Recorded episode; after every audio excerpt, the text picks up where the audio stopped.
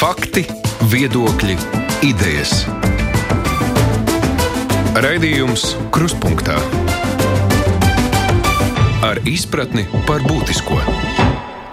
Sveicināti pie Latvijas radio mikrofona. Arnēs Krause, šis ir raidījums Krustpunktā. Šodien runāsim par jaunajām kadastrālajām vērtībām un nodokļu politiku, kas tām varētu sekot. Pēc pusotra gada lielākajai daļai īpašumu Latvijā visticamāk pieaugs kadastrālā vērtība. Plānots, ka pārreikināšana notiks automātiski 22. gada 1. janvārī, ņemot vērā nesen valdībā apstiprināto metodiku. Visstraujāk vērtība varētu augt lauksaimniecības zemē un dzīvokļiem jaunajos projektos Rīgā un Pierīgā. Tieslietu ministrija rosina nekustamā īpašuma nodoklim piemērot neapliekamo minimumu par primāro mājokli, taču partijām un ministrijām šajā jautājumā pagaidām nav vienprātība. Tāds arī ievads šīs dienas tematam, kurš ir ļoti svarīgs, jo skar vajag vienu no mums, kuram ir kāds īpašums un kurš maksā nekustamā īpašuma nodokli. Šodien sarunā piedalīsies Aldis Bukšs, tieslietu ministra biroja vadītājs. Labdien! Atis Zakatistovs, Finanšu ministrijas parlamentārais sekretārs. Sveicināti! Labdien! Artūrs Toms Plešs, vidas aizsardzības un reģionālās attīstības ministrijas parlamentārais sekretārs. Sveicināti! Sveicināti! Un arī Jānis Eglīts, zemkopības ministra biroja vadītājs. Labdien! Labdien! Es sākšu ar Tieslietu ministriju, jo jūs esat visa šī stāsta koordinātori, ja tā varētu teikt. Es pieļauju, ka, ka mūsu klausītājiem daudziem arī man ir pagaidām vēl diezgan daudz jautājumu un neskaidrību par šo visu, kas mūs var sagaidīt. Tādēļ sākšu tādu visaptvarošu jautājumu, kādēļ vispār šīs kadastrālās vērtības ir jāpārskata, kāds ir šī procesa mērķis. Jā, labdien vēlreiz. Un, uh, paldies par jautājumu un iespēju piedalīties šajā diskusijā. Um, tas, ko jūs precīzi pašā sākumā arī minējāt, šis jautājums skar faktiski visus Latvijas iedzīvotājus. Un, tas ir tas iemesls, kāpēc mēs par šo jautājumu ceļam trauksmi jau, jau vairāk kā gadu. Tieši pirms gada mēs pirmo reizi jau ar skaitļiem prezentējām valdības partneriem iespējamo pieaugumu un nepieciešamību uzsākt nekustamā īpašuma nodokļu reformu, ieviešot arī neapliekamo minimumu primārajam mājoklim. Diemžēl šī gada laikā mēs nespējām gūt atbalstu, lai gan regulāri par šo te runājām, runājām arī publiski. Un pateicoties savā ziņā šai pagājušajā nedēļā kadastrāla vērtību bāzu publicēšanai, patiesībā mēs redzam, ka beidzot sāka rezultēties šīs sarunas patiešām jau kļūst konstruktīvākas. Un parādās cerība, ka mēs varēsim reformēt šo nekustamā īpašuma nodokļu reformu. Bet atbildot uz jautājumu, kāpēc ir nepieciešams pārreikināt, tas ir valdības un saimas uzdevums Tieslietu ministrijai jau kopš 17. gada. 2017. gadā tika uzdots šis uzdevums pārreikināt kadastrālās vērtības atbilstoši esošajai situācijai tirgū. Un jūs minējāt, pieminējāt šo februārī apstiprināto metodiku pārreikinu. Tas, tas nav iemesls, šī metodika nav iemesls, kāpēc kadastrālās vērtības pieaug. Un pieaug ievērojami lielā daļā, pieņemsim, Rīgā, Pierīgā divas, trīs reizes, vai lauksaimniecības zemē trīs, četras reizes. Tas nav tas galvenais iemesls. Iemesls ir šis uzdevums pārreikināt atbilstoši to patiesajai vērtībai tirgū. Un zinot šo uzdevumu, Mēs strādājām arī pie šīs metodikas pilnveides, lai novērstu tos gadījumus, kas ir jau šobrīd esošajām, esošā, ar esošajām katastrālām vērtībām, kādu pār pieņemsim, jauniem vai dārgiem projektiem, katastrālas vērtības ir niecīgas, līdz ar to tas nodokļu maksājums, kas tiek aprēķināts, ir salīdzinoši niecīgs salīdzinājumā ar citu padomu laikā būvētām, piemēram, ēkām. Bet es pabeidzot, jā, es īsti pabeigšu, tad pabeidzot, Es varu arī nomierināt un apstiprināt to, ko Tieslietu ministrs ir paudis vairāk kārtīgi, ka mēs negrasamies virzīt par spīti šim valdības uzdevumam šīs vērtības uz apstiprināšanu ministra kabinetā, kamēr nav garantija, ka tiks veikta nodokļu reforma. Pie nodokļa mēs tūlīt arī ķersimies klāt, bet vēl pirms tam par šīm kadastra vērtībām. Kāds tad ir šo jauno aprēķinu rezultāts, ko valsts zemes dienesta speciālisti finālā ir sarēķinājuši? Nu, vispārīgos vilcienos kadastrālā vērtību kopsumma Latvijā faktiski pieaug divas reizes. palielinās divas reizes. Ta, tas ir tās vispārīgos vilcienos. Dalot pa segmentiem, ir atšķirīgi un ir patiesībā, nu, ja kurš zinot, pašreizējais katastrālās vērtības ir balstītas 2012. un 2013. gada tirgus cenās. Un, uh, es domāju, ka ikvienam nav noslēpums, ka šo laiku šīs tirgus cenas īpašumiem ir pieaugušas, bet pieaugušas atšķirīgi. Diemžēl, ņemot vērā to, ka šī attīstība Latvijā ir savā ziņā atšķirās reģioni no Rīgas. Pierīgā tas ir pieaugusi vairāk kārtīgi, šīs tirgus cenas reģionos daudz mazāk krietni, bet pieaugums kopumā ir visur. Tas nenozīmē, ka šīs katastrālās vērtības visiem pieaug. Nē, pat arī Rīgā samazinās un, un tam līdzīgi. Bet tātad pieaugums faktiski ir visur, un visizteiktākais tas ir Pierīgā un Rīgā, daudz dzīvokļu mājām, individuālajām dzīvojamām mājām un jaunām komercēkām. Un arī lauksaimniecības zemē. Jā. Es arī raidījuma gaitā mudināšu klausītājus un skatītājus izmantot iespēju. Tātad vēlreiz atgādināsim, ka šobrīd ik viens var mājaslapā kadastrs LV pārbaudīt informāciju, kāda ir šī prognozējumā vērtība. Tur gan es jums dodu padomu, varbūt tas ir zemes dienas, kas šo mājaslapu uztur, varbūt tur kāda lielāka tāda sarkana uzraksta uzlikt, kur var šo informāciju atrast, jo es pieļauju, ka Bet man bija diezgan jāpameklē un jāklikšķina, un senioriem tas varētu arī būt daļai varbūt ne tik viegli atrast tieši, kur ir tā tā poga, kur ir jāpiespiež, lai ierakstītu savu mājas adresi. Bet nu, es, Jā, es ņemšu sevi kā piemēru. Es arī pirms raidījuma gribēju pārliecināties, kas mainīsies manā nodokļu maksātāja dzīvē. Man ir divi īpašumi dzīvoklis Rīgā un, un Zema laukos. Nu, es paskatījos, mans divstāv dzīvoklis pie Brāzas tilta, ja līdz šim tā vērtība ir 25,000, tad tagad būs 60. Un mana lauku pļava, kuras vērtība bija 2500, tagad uh, pļavas vērtība būs 7000. Nu, manā gadījumā tas pieaugums ir un diezgan būtisks. Par to Rīgas dzīvoklis nezinu nevienu kaimiņu, kurš pēc kapitālā remonta spētu pārdot par tādu cenu, kā tagad tā tirgus cena ir aprēķināta. Bet nu, droši vien tie stāsti. Tie stāsti katram būs dažādi. Tas, ko, tas, ko jūs droši vien mudināt šobrīd cilvēkus pārliecināties. Un otra lieta arī ir, ka divu nedēļu laikā, bet nu, jau tas termiņš tuvojas drīz 28. jūlijas. Jebkurš var iesniegt savus priekšlikumus, eh, un arī kādas neprecizitātes, ja ir pamanītas, tās var labot. Vai šīs divas nedēļas nav tomēr pārāk īsts laiks? Tas, tas ir tas uh, likumā noteiktais uh, saskaņošanas termiņš, bet šajā gadījumā skaidrs, ka viņš būs krietni ilgāks. Jo šobrīd ir skaidrs, ka mēs nespēsim tik ātrā termiņā vienoties par nepieciešamo nodokļu reformu. Un, kā jau minēju, līdz tam brīdim tālāk šīs katastrālās vērtības netiek virzītas, kamēr netiek pasargāti iedzīvotāji no nodokļu pieauguma, no šī nodokļu sloga pieauguma. Bet es gribēju varbūt īsi arī uz savu piemēru. Es arī līdzīgi kā jūs atskatījos savu dzīvokli. Arī es dzīvoju divu stabu dzīvoklī mikrorajonā Lietuviešu projektā. Un mana kadastrālā pašreizējā vērtība ir 18,000 eiro. Viņa 22. gadā ir 33,000 eiro. Nu, arī faktiski divreiz pieaug. Bet uh, es iegāju arī sludinājumu portālā, apskatījos, cik tad maksā šobrīd šie dzīvokļi tāda paša tipa. Uh, nebija neviena lētāka par 35,000, un uh, vidējā cena bija 14,000. Līdz ar to manā un visu manu kaimiņu gadījumā tā ir nu, adekvāta summa. Bet tieši tā, kā jūs minējāt, Tieši tāpēc viens no iemesliem, kāpēc arī nodot sabiedriskajai apspriešanai, lai izzinātu visus šos gadījumus un iespējams, iespējams varbūt kaut kur neprecizitātes. Tieši tāpēc mēs arī izziņojam, valsts zemes dienas arī šo izziņojumu, gaida šo arī komentārus no iedzīvotājiem. Un iedzīvotāji savus komentārus mums sūta arī šobrīd e-pastā. Es aicinu klausītājus tiešām kāds konkrēts jautājums ir uzdot mūsu e-pasta kruspunktā Latvijas radio.clv. Lūk, daži tikai Olafs raksta par kadastra vērtībām ir mīts, ka tās celsies pārsvarā jaunajiem īpašumiem.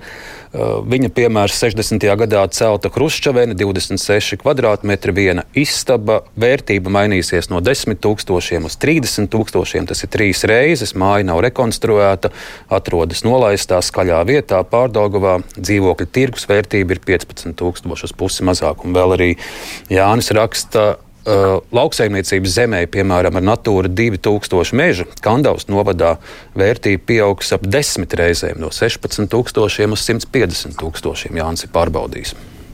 Katrā no šiem gadījumiem tiešām ir jāiedziļinās un jāspēta, kādi ir tie iemesli. Ja mēs, piemēram, atsaucam atmiņā vakardien publicēto rakstu, kur ir tā veikta analīze par šīm kadastrāla vērtību salīdzinājumu darījumu cenām.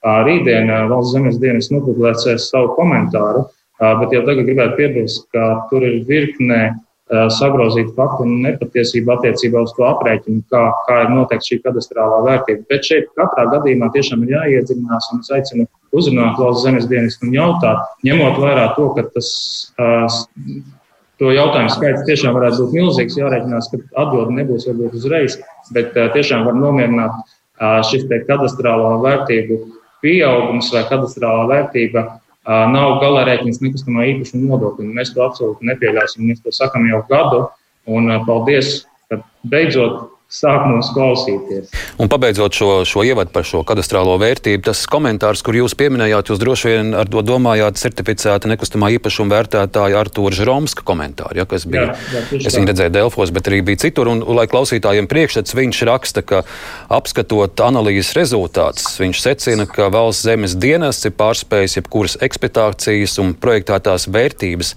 39 no viņa 130 apskatītajiem darījumiem būtiski vairāk par 15% pārsniedz darījumu cenas. Viņš arī raksta, ka vislielākie projektētās kadastrālās vērtības pārsniegumi novērojami dzīvokļiem Rīgā kur kadastrālā vērtība daudziem īpašumiem pārsniedz tirgus vērtību, un šis vērtētājs arī raksta, ka viņa prāta kadastrālās vērtēšanas sistēmā un metodoloģijā ir veicams nevis vienkāršs remonts, bet gan kapitāls pārmaiņas. Jā, un arī mēs, mēs šo izlasījām un uzreiz zvanījām un rakstījām valsts zemes dienestam ar lūgumu sniegt komentāru. Rītdien tiks izplatīts publisks komentārs par šo. Te, te daudz kas nav, nav tā, kā viņš raksta, un tas veids, kā šis tiek interpretēts, ir ļoti saudabīgs. Bet to rītdien varēs arī to iepazīties visu Latvijas sabiedrību. Nu, mēs savukārt zvanījām un vēlējāmies uzzināt premjeru Krišāņa Kariņa komentāru par, par šo situāciju un tās attīstību. Un, un īsi pirms raidījuma esam arī saņēmuši premjeru biroja komentāru. Lūk, citādi šobrīd neesam saņēmuši no Tieslietu ministrijas priekšlikumus par kompleksu risinājumu kadastrālo vērtību aktualizēšanai un nekustamā īpašuma nodokļa politikas pārskatīšanai. Tieslietu ministrijai jāturpina darbs pie risinājuma, kas būtu taisnīgs gan attiecībā uz iedzīvotājiem, gan uzņēmējiem. Tieslietu ministrijas sagatavotais piedāvājums pēc tā iesniegšanas tiks izskatīts sadarbības sanāksmē kur visām valdību veidojošajām partijām būs iespēja par to paust viedokli lai diskusijā nonāktu pie kopīga secinājuma. Nu, mums nevajag rīkot sadarbības sanāksmi, faktiski mums jau tāda ir. Trūks tikai viena partija mūsu diskusijā, jaunā vienotība. Tad nu, šos viedokļus mums jau šobrīd ir iespējams uzklausīt. Finanšu ministrijai, protams, šeit būs liela teikšana un liela loma. Es sākšu ar Ati Zakatistavu. Es zinu, ka jūs droši vien gribat arī Tieslietu ministra birojas vēl grib komentēt premjeras kritiku. Nu, bet tad īsi, īsi, jā. Uh, nu, pirmkārt, nekustamā īpašuma nodokļu politika patiešām nodokļu politika ir finanšu ministrijas un tātad jaunās vienotības atbildība. Jau pirms gada redzot, ka nav gatavi iesaistīties laicīgi finanšu ministrijā un sākt risināt šo jautājumu, mēs paši izstrādājām likumprojektu attiecībā uz neapliekamo minimumu, piedāvājām valdības partneriem. Mums uh, komplekss risinājums Nav, mēs nespējam piedāvāt kompleksu risinājumu visiem, jo šeit ir atbildīgās nozaru ministrijas, no kurām mēs sagaidām, lai viņas iesaistās diskusijā. Tikai pateicoties šai publicēšanai, aizvakar, kad bija saskaņošanas sanāksme šiem likumprojektiem, pirmo reizi pie apgājuma parādījās ekonomikas ministrija. Līdz tam neviena komentāra nebija par, vispār, par šo jautājumu, lai gan mēs gadu par šo runājam. Līdz ar to nebija neviena atzinuma e, ekonomikas ministrijai. Ja, ja es gribēšu dzirdēt, ko Eglīša kungs māja, jo mēs, mēs nebijām redzējuši vispār.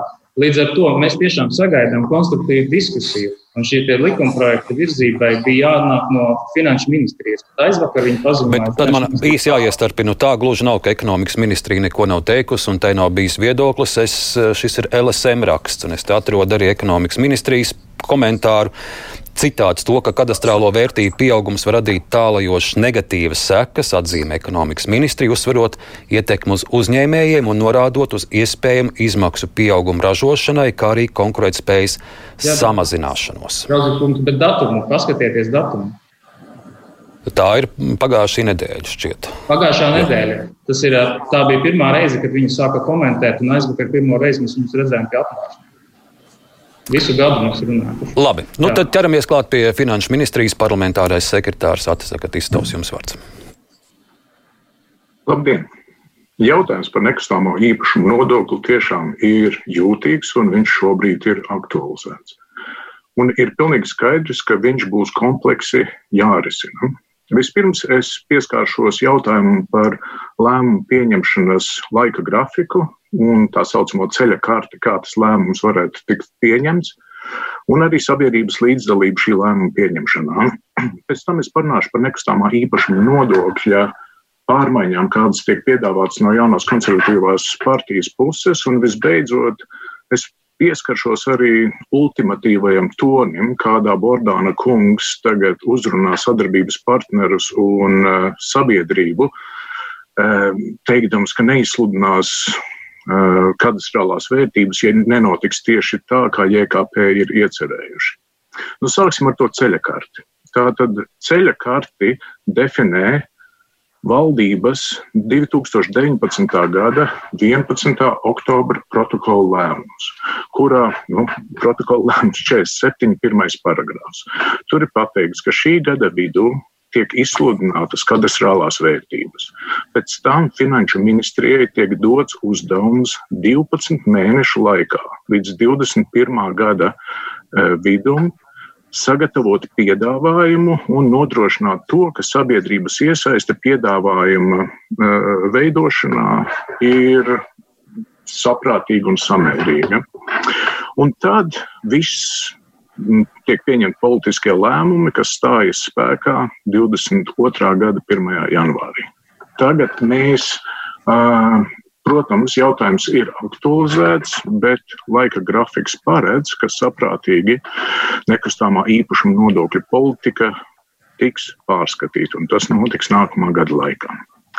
Otrs jautājums ir par jaunās konservatīvās partijas piedāvājumu. Um, Tātad, atgriežoties, nekustamā īpašuma nodokļu politika ir jāpārskata, bet ir jāiet principā cits ceļš nekā piedāvā jaunā konservatīvā partija. Jaunā konservatīvā partija principā piedāvā noteikti minimumu 100 tūkstoši eiro, no kura tad nebūtu jāmaksā nekustamā īpašuma nodoklis vispār. Ja mēs skatāmies uz cipariem, tad no 321 tūkstošu saurupmājām tas skar uh, tas neskar tikai 20,000. Tātad 6% nu, turpinās maksāt, bet 90. 93,5% nemaksās vairāk to nodokli. Tā ir paredzējusi jaunā konservatīvā uh, partija. No tās pārstāvs krāt ar galvu šobrīd, ka tā gluži nesot. Ja mēs domājam, bet ļaujiet man pabeigt. Lūkša kungs runāja 20 minūtes. Ja mēs domājam par nodokļu politiku, mums jāpatur prātā nu, tas, ko fizikā sauca par savienoto trauku principu. Tajā brīdī, ja viena sadaļa nemaksā to nodokli, un tas nodokļu kopējais apjoms paliek tieši tāds pats, tas nozīmē, ka citi maksā vairāk. Un šobrīd ir tā, ka uh, jaunās konservatīvās partija tikpat labi varētu arī teikt, ka viņi izvirza ultimātu sadarbības partneriem un pieprasa, lai uzņēmējiem nekustamā īpašuma nodoklis dubultotos. Šis nav pareizais ceļš, kādā ir jāiet. I, līdz šim tā elastība vienmēr bija finanšu ministrijas rokās, un varēja mainīt ar noteiktām likmēm. Neviens negrib palielināt nekustamā iepirkuma nodokli, bet tas jautājums ir, kā to darīt, un tas ir jādara ar nekustamā īpašuma nodokļa likmēm finanšu ministrijā vai arī pašvaldībās, jo pašvaldība šobrīd var palīdzēt attīstīt eh, nekustamo īpašumu eh, ar nodokļu likmju izmaiņām. Tātad, ja kāds padara īpašumu energoefektīvāku, viņam var samazināt nodokli. Ja JKP idejas tiks īstenotas, tad jo dārgāks īpašums, jo, jo lielāks nodoklis. Nu, bet atgriezīsimies pie trešā jautājuma, kas ir ultimāts. Manuprāt, ir pilnīgi nepareizi izvirzīt kaut kāda veida ultimātus. Ja mēs domājam, nu, Man liekas, bija Benjamins Franklins, kurš teica, ka neizbēgams ir divas lietas - nodokļi un nāve. Jaunā konservatīvā partija, nu tādā populisma eiforijā šobrīd saka, nebūs jāmaksā nodokļi. Nu, kas tālāk tajā populismā būs? Vai tālāk viņas sabiedrībai teiks, jums nebūs arī jāmirst? Nu, es tā nedaudz ironizēju par šo politiku, bet faktiski tas, ko piedāvā jaunā konservatīvā partija, ir būtisks nodokļu pieaugums um, uzņēmējiem. Nu, tik, un jā, ignorē pilnīgi laika grafiku, kā tas ir nolemts 11. oktobra valdības sēdē. Paldies. Es varētu jūs papildināt, ka man šeit Latvijā neizbēgams ir trīs lietas - nodokļu, nāve un darba grupas. Ja grib kādu jautājumu nomuļāt vai, vai vilku garumā, tad, tad veido darba grupas. Nu, es iesaistīšu arī vēl pārējos nu, koalīcijas partnerus no attīstībai par un, un no Nacionālās apvienības. Es sākšu ar varam parlamentāro sekretāru jūsu redzējums. Kāds būtu risinājums un kādi pirmie soļi šeit ejami? Uh, labdien, labdien klātesošie! Uh, nu, mēs arī redzam, ka šis jautājums ir jārisina kompleksi, mēs nevaram atraut vienu sistēmas elementu no cita. Šajā tieslietu ministrijas uh, virzītajā reformas piedāvājumā attiecībā uz kadastrālajām vērtībām mēs redzam, ka kadastrālās vērtības daudzkārt pieaug. Es pats personīgi nāku no zemgals puses, un vairāki lauksaimnieki, vidēji un maz lauksaimnieki ieraugot šos uh, skaitļus, kadras, uh, kadras, kadras punkts LV mājaslapā arī būtībā saķēra galvu, redzot, ka tas pieaugums, kā jūs minējāt, Krausas kungs no Kandavas puses bija desmitkārtīgs un pat vairāk kas realitātē uh, sadārdzina produkcijas ražošanu, un šis nav būtībā vienīgais apstākļus. Ja mēs ejam kompleksi arī ar cita veida šo te Eh, neapliekamā minimuma eh, noteikšana līdz 100 tūkstošiem eiro, mēs ļoti lielu slogu uzliekam tieši uz uzņēmējdarbības aspektu. Eh, attīstībai par pēc būtības atbalsta to, ka mēs nosakām nekustamā īpašuma nodoklim neapliekamo minimumu, tikai tas mūsu piedāvājums ir tāds, ka mēs šo minimumu noteiktu 40 tūkstoši eiro apmērā īpašumā. Taču skaidrs, ka par šo jautājumu ir jārunā, mums ir jāredz finansiālā ietekme, kādu tas atstās primārajos pašvaldību budžetiem, jo, ja mēs ejam tādu, nu, teiksim tā, neapdomīgus soļus uz priekšu, mēs diezgan ievērojami varam samazināt pašvaldību budžetu. Šobrīd mēs redzam, ka nu, vidēji rēķinot nekustamā īpašuma nodokļa ieņēmumu pašvaldību budžetos sastāda aptuveni 10%. E, Un, ja šī ieņēmuma daļa e, krasi samazinās, tad kādam šī daļa attiecīgi pašvaldībās būs, eh, būs jākompensē. Un šajā gadījumā no varam puses arī virzītā administratīva teritoriāla reforma. Viens no tās mērķiem eh, ir eh, veidot tādas pašvaldības, kuras ir spēcīgākas, lai veidotu un attīstītu uzņēmējdarbību ražošanu reģionos. Bet es domāju, ka mēs negribētu noteikti iet šo pretējo ceļu, lai tieši dažāda veida nu, nodokļu izmaiņām mēs bremzētu vai kavētu jaunu darba vietu rašanos reģionos. Patiesībā ir ļoti interesanti teiksim, skaitļi. Gan tas attiecās gan uz gan apskatot nekustamā īpašuma nodokļu izmaiņas, gan būtībā uz re, nodokļu reformu kopumā. Pavisam nesen Fiskālā disciplīnas padome publicēja novērtējumu par iepriekšējo nodokļu reformu, kas tika veikta 2018. gadā. Un tas novērtējums ir diezgan skaidrs un skarbs.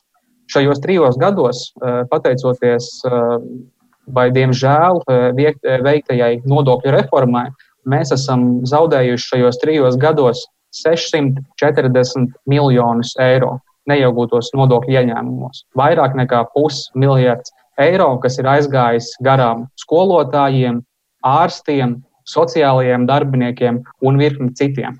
Es domāju, ka šajā gadījumā eh, mums nevajadzētu atkārtot šai valdībai vecās politikas kļūdas, un tikai tāpēc, ka mums ir jāveic eh, kāda reforma, vai mēs kaut ko esam eh, solījuši, neapdomīgi mm. sparot soļus priekš, mēs varētu pieļaut daudzas kļūdas. Mums noteikti nevajadzētu šo atkārtot, un mums, eh, vērtējot nekustamā īpašuma nodokļa izmaiņas kompleksā ar šo piedāvājumu, kadastrālā vērtībām ir jāvērtē šie jautājumi kompleksi. Mums jā, jāraugās uz visu lauku kopumā, kādā veidā tas ietekmēs pašvaldību budžetus, kādā veidā tas ietekmēs iedzīvotāju iedzīvotāju maciņus. Un vēl pēdējā lieta, ko vēlos pieminēt, ko arī ko mēs kā partija un arī vidas aizsardzības reģionālās attīstības ministrija ir paudusi, ka, kā jau Bukša kungs pieminēja, iepriekš šīs katastrālās vērtības tika iesaldētas 2012. gadā, reaģējot un raugoties to, kāda ekonomiskā situācija bija Latvijā pēc iepriekšējās ekonomiskās krīzes. Arī šobrīd mēs uh, esam uh, situācijā, kad ekonomiskie tempi, ekonomika ir palielinājusies, un mēs vēl tikai redzēsim, kāda būs uh, lielā ietekme no Covid izraisītās uh, ietekmes uz ekonomiku gada beigās un nākamajā gadā. Sakot, jūs, jūs prāt, varbūt šobrīd būtu jēga piebremzēt ar šo visu un pagaidīt, kas notiks vispār Eiropā, pasaulē ar ekonomiku? Nē, mums vienkārši ir šie apsvērumi jāņem vērā tajā brīdī, kad mēs izdarām kādus lēmumus par vienas, viena vai otru soļu spēršanu. Paldies! Un mēs arī nonākam pie zemkopības ministrijas. Arī daudz lauksaimnieku, protams, šobrīd eh, šajā datu bāzē paraugās uz savām prognozēm un, un arī ir satraukušies, ka, ka šī nodokļa, nodokļa pieaugums varētu būt diezgan būtisks pēc pāris gadiem. Jā, jāsāk ar to, ka Šobrīd šādu paziņojumu nozīmē vienu, ka priekšvēlēšana laiks ir sācies, un konkrēti šobrīd šis Tieslietu ministrijas izstrādātais variants rāda tikai vienu tendenci, ka Bordāna kungs rāda, lūk, kā, kā varētu būt, ja, ja nu es nebremzēšu šo likumu, un es viņu noteikti bremzēšu, ja jūs nu, turpināsiet atbalstīt mani. Ir jāsaka tā, ka pati šī ideja, par ko runā par šo atbrīvojumu līdz 100 tūkstošiem, nav nekas jauns. 2017. gada marta mēnesī ministrs, tā brīža vidas aizsardzības reģionas attīstības ministrs Kaspars Gerhards nāca klajā ar šādu iniciatīvu, ka būtu jāatbrīvo no nodokļa visi īpašumi ar kadastrālo vērtību līdz 100 tūkstošiem eiro. Un, uh, to rosināja uh, savulaik pašvaldību uzsāktie kari par uh, iedzīvotāju, kad Rīga nu, sāka, sāka piešķirt neadekvāti liels šīs atlaides. Ir jāsaka, un šobrīd šī ideja vienkārši turpina savu, savu dzīvotspēju un tiek pasniegta jau kā citas partijas ideja, kas nu, arī nav īsti korekta. Bet nu, ne par to ir stāsts. Ja mēs runājam par nekustamo īpašumu nodokli un šobrīd šo, šo sasaisti ar kadastru, tad ir jāsaka tā, ka tas ir tikai, tikai formāli. Un, ja mēs gribam runāt par kadastru un reālām šī nodokļu vērtībām, tad viņi var arī atsaistīt. Nav tā, ka viņš būtu akmenī iecirsts, viņš mierīgi ir atsaistāms un ka teiksim, šīs kadastra vērtības pilda ne tikai šo funkciju, bet vēl vairāk kā, de, vairāk kā desmit funkcijas viņa pilda. Tā, ka, nu, tas, kas, tas, kas notiek šobrīd, tā ir tāda nu, mazliet partija retorika, kur, kur es varu piekrist Zakatisto kungam, kur sākotnēji ir jāizdiskutē tomēr nu, citā formātā šādas apjomīgas nodokļu iet, nu, ietekmes, un tikai tad ir jāvirzās tālāk jau ar skaļiem paziņojumiem. Bet ko es vēlējos teikt par šā brīža izstrādāto modeli, ir tā, ka tam ir visnotaļ maz sakars ar tirgu. Jo, ja skatās pēc mana piemēra, tad pavisam, pavisam vienkārši tajā mājas nekustamā īpašumā iegādājos salīdzinoši nesen, četrus gadus atpakaļ. Un tajā brīdī, kad es viņu iegādājos, un es viņu iegādājos no bankas, viņa cena bija 80, 85 tūkstoši eiro kur eh, nekustamā īpašuma eh, vērtība tajā brīdī bija 68,000. Šobrīd eh, nekustamā īpašuma kadastra vērtība ir 72,000, un pēc jaunā prognozētā viņš pārsit pilnīgi visu. Viņa jaunā vērtība ir 101,000, kas neatbilst nedz viņa tirgus cenai, jo tirgu tomēr nosaka cilvēks, vērtējot individuāli katru gabalu, nevis pēc tā, kā apkārtnē kāds var atļauties vai nevar atļauties pirkt līdzīgus īpašums. Bet, nu, Bet, Eglīškungs, no jūsu dzīvokļa vēl pārcelsimies pie lauksēmniekiem. Kur jūs redzat, jā, protams, kur jūs redzat tas, tās tas... lielākās problēmas, kas viņus varētu sagaidīt? Lielākās problēmas, un te, ne, nu, pat lielākā problēma ir tā, ka Bukškungs noklusēja divas būtiskas nianses saistībā ar šo likumu, saistībā ar šo priekšlikumu. To, ka šī gada 18. februāra ministra kabineta sēdē tika uzdots uzdevums. Pirmām kārtām Zemkopības ministrijai sadarbībā ar Tieslietu ministru ministriju un Finanšu ministriju izstrādāt priekšlikums likumā nekustam, par nekustamā īpašuma nodokli, kas paredz no 21. gada iesaldēt lauku zemes kadastrālās vērtības. kas nav izpildīts Tieslietu ministrijas šajā piedāvājumā. Un otrais uzdevums Tieslietu ministrijai sadarbībā ar Zemkopības ministriju līdz 21. gada 1. decembrim izstrādāt jaunu kadastrālās vērtēšanas metodiku lauksaimniecībā izmantojamam zemē un meža zemē un iesniegt to izskatīšanai ministru kabinetā, kas arī nav vērtēts. Nu, lūk, daudz kritikas, daudz kritikas Tieslietu ministrijai. Nē, tas, tā nav kritika. Tā nav kritika, tie ir tiesa fakti, ko katrs var pārbaudīt. Pirms es dodu iespēju Tieslietu ministrijai atbildēt uh, klausītājiem un skatītājiem. Atgādināšu, ka šodien krustpunktā piedalās Aldis Bukšs, Tieslietu ministra biroja vadītājs, Atisaka Tistovs, Finanšu ministrijas parlamentārais sekretārs, Arturs Toms Plešs, Varam parlamentārais sekretārs un Jānis Eglīts, zemkopības ministra biroja vadītājs. Jau pēc pavisam īsa brīža mēs raidījumu turpināsim. Raidījums Krustpunktā.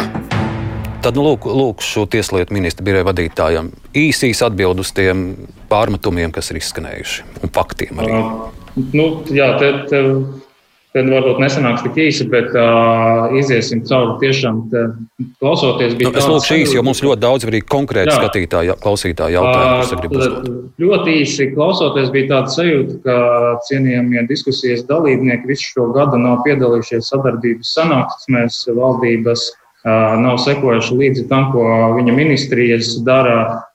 Tā skaitā, piemēram, zemkopības ministrija.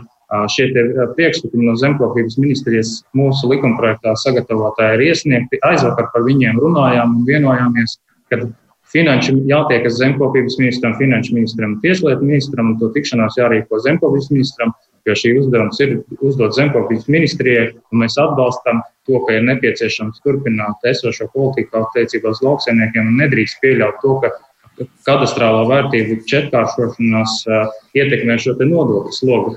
Bet uh, varbūt īsi par to visu, ko, ko kolēģi minēja, te vairākas reizes izskanēja vārds komplekss risinājums. Un par šo komplekso risinājumu mēs sākām runāt jau pagājušajā gadā, aizsūtot šo likuma projektus un šo aprēķinus par to, kā izskatīsies jaunās kadastrālās vērtības. Pagājušā gada jūlijā mēs aicinājām sākt runāt kompleksi par visu lauku. Pirmkārt, nu, garantējot šī neapliekamo minimumu un arī pārskatot likmes komersantiem un komercēkām. Tāda sajūta, ka kolēģi nav iepazinušies ar visiem šiem aprēķiniem, ko mēs esam devuši. Un ir tie bijuši aprēķini, ap, apjomīgi aprēķini, par šo te sagaidāmo kadastrālo vērtību pieaugumu, plānoto nodokļu pieaugumu, iespējamo un iespēju tiešām ne tikai garantēt neapliekamo minimumu primārajiem mājokļiem, bet samazināt likmes komersantiem, uz ko mēs arī aicinām. Vienkārši laicīgi sāk domāt. Jo tas atslēgas vārds izskanēja Zakatisto kunga teiktajā. Finanšu ministrija 12 mēnešu laikā pēc šo bāzu publicēšanas, kas bija pagājušajā nedēļā, izstrādās savu piedāvājumu. 12 mēneši tas nozīmē, ka Cilvēki, uzņēmēji par likmēm, savām likmēm uzzinās nākamā gada rudenī, pāris mēnešus pirms tam, kad tās stāsies spēkā.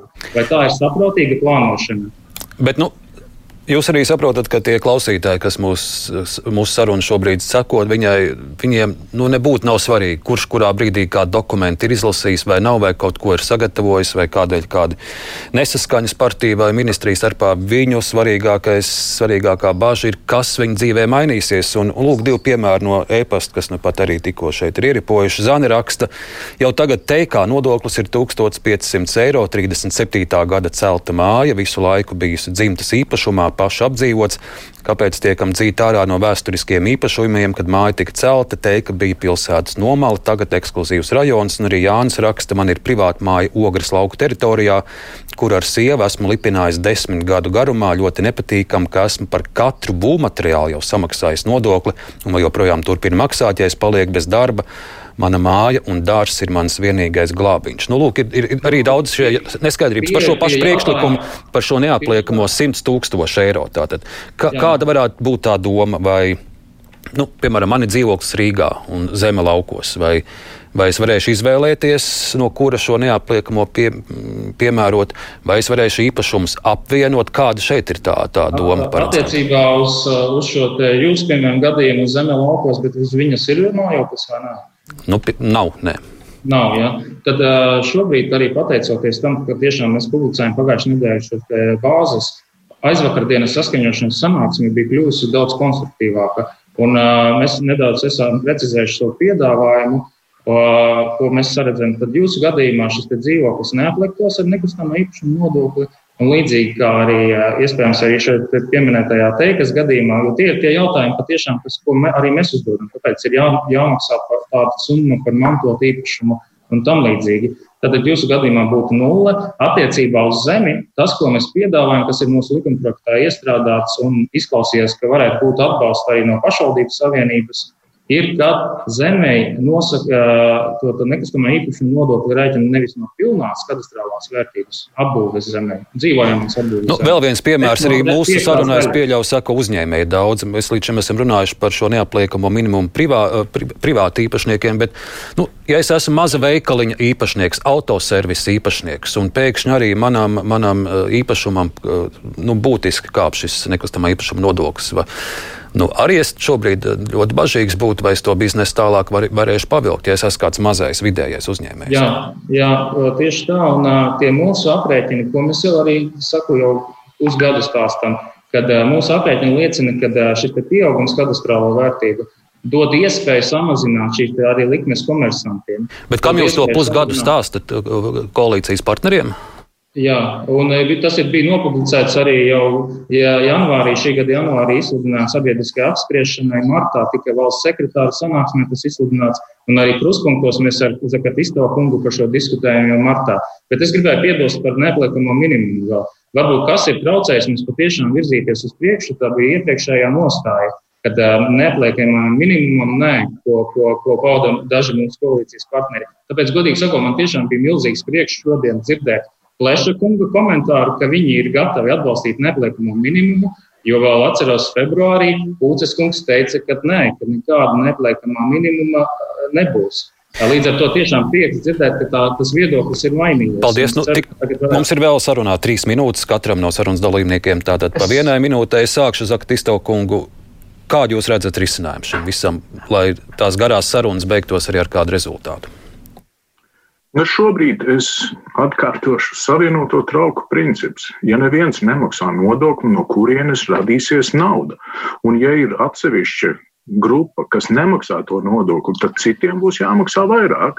Un, ja mēs domājam par kompleksu risinājumu, tad mums ir nepieciešams saprast, kādā veidā trāpīt tieši tiem nabadzīgākajiem. Jo kadastrālās vērtības līdz 20 tūkstošiem ir 241 tūkstotim mājasemniecību, jeb 75%. Šeit te mēģina nu, atbrīvot no nodokļu maksāšanas bagātniekus, kas galīgi nav pareizi pārnest uh, nodokļu smagumu uz uzņēmējiem, kas galīgi nav pareizi. Un komplekss risinājums tad ir salikt visas šīs lietas kopā un saprast, kuriem vajag, kā viņiem palīdzēt un to darīt, informējot sabiedrību un iesaistot nu, Paldies. Varam viedoklis pusminūte palikusi. Varam pārstāvs. Jā, no attīstībai par arī savā programmā ir piedāvājis neapliekamo minimumu īpašumam 40 tūkstoši eiro apmērā, taču arī, kā jau iepriekš minēju, mēs arī gribētu redzēt skaidrus aprēķinus šim un modeļu un, teiksim, ietekmes modeli uz nekustamo īpašumu nodokļu apmēru un to, kādā veidā tas iedzīvotājs ietekmē kopumā. Un tikai tad mēs varam pieņemt gara, gala lēmumu, izvērtēt visus par un pret, vai tas nesagādā ilgtermiņā E, negatīvu ietekmi gan uz iedzīvotājiem, gan budžetu, gan arī vai tas tiešām trāpa tām grupām, kurām tas ir nepieciešams. Un pusminūte zemkopības ministrijai. Uh, jā, ir jāsaka tā, ka ir jānodala, kā jau iepriekš jau teicu, ir jānodala nekustamā īpašuma nodoklis no kadastrālās vērtības. Savulaik Nacionāla apvienība arī koalīcijā ir piedāvājusi trīs komponentu modelis, kur būtu skaidrs, saprotams, par ko cilvēkam ir jāmaksā un par ko viņš, par ko viņš nemaksā. Šis trīs komponentu modelis paredz, ka šis maksājums ir prognozējams un skaidrs saprotams, ievērojot eh, gan kvadrātmetru lielumu, gan arī viņam būtu ieteikta neliela no kadastrālās vērtības. Tā kā es domāju, ka jāvirzās šajā virzienā, nevis jānāk ar skaļiem populistiskiem saukļiem, kā, ka lūk, atbalstiet mūs, un tad mēs nepieļausim to, ko paši esam sagatavojuši. Tik tālu paldies. Uh, Aldis Bukšs, Tieslietu ministra biroja vadītājs, Atis Zakatistovs, Finanšu ministrijas parlamentārais sekretārs, Artūrs Toms Plešs, Varam parlamentārais sekretārs un arī Jānis Eglīts, zemkopības ministra biroja vadītājs šodien piedalījās sarunā, un vēl arī vairāki klausītāji mums raksta, ka uh, kadastrs LV ir tiem, tomēr diezgan grūti atrast informāciju par jaunajām vērtībām. Man būtu mudinājums zemes dienestam, kas šo lapu uztur, tiešām varbūt kādu lielāku to to vietni ielikt, kur šo informāciju var atrast. Bet, diemžēl, mums jāliek ir punkts, jo stingri 45. minūtē jāsākas brīvajam mikrofonam, un tas jau tūlīt arī skanēs. Paldies visiem kungiem!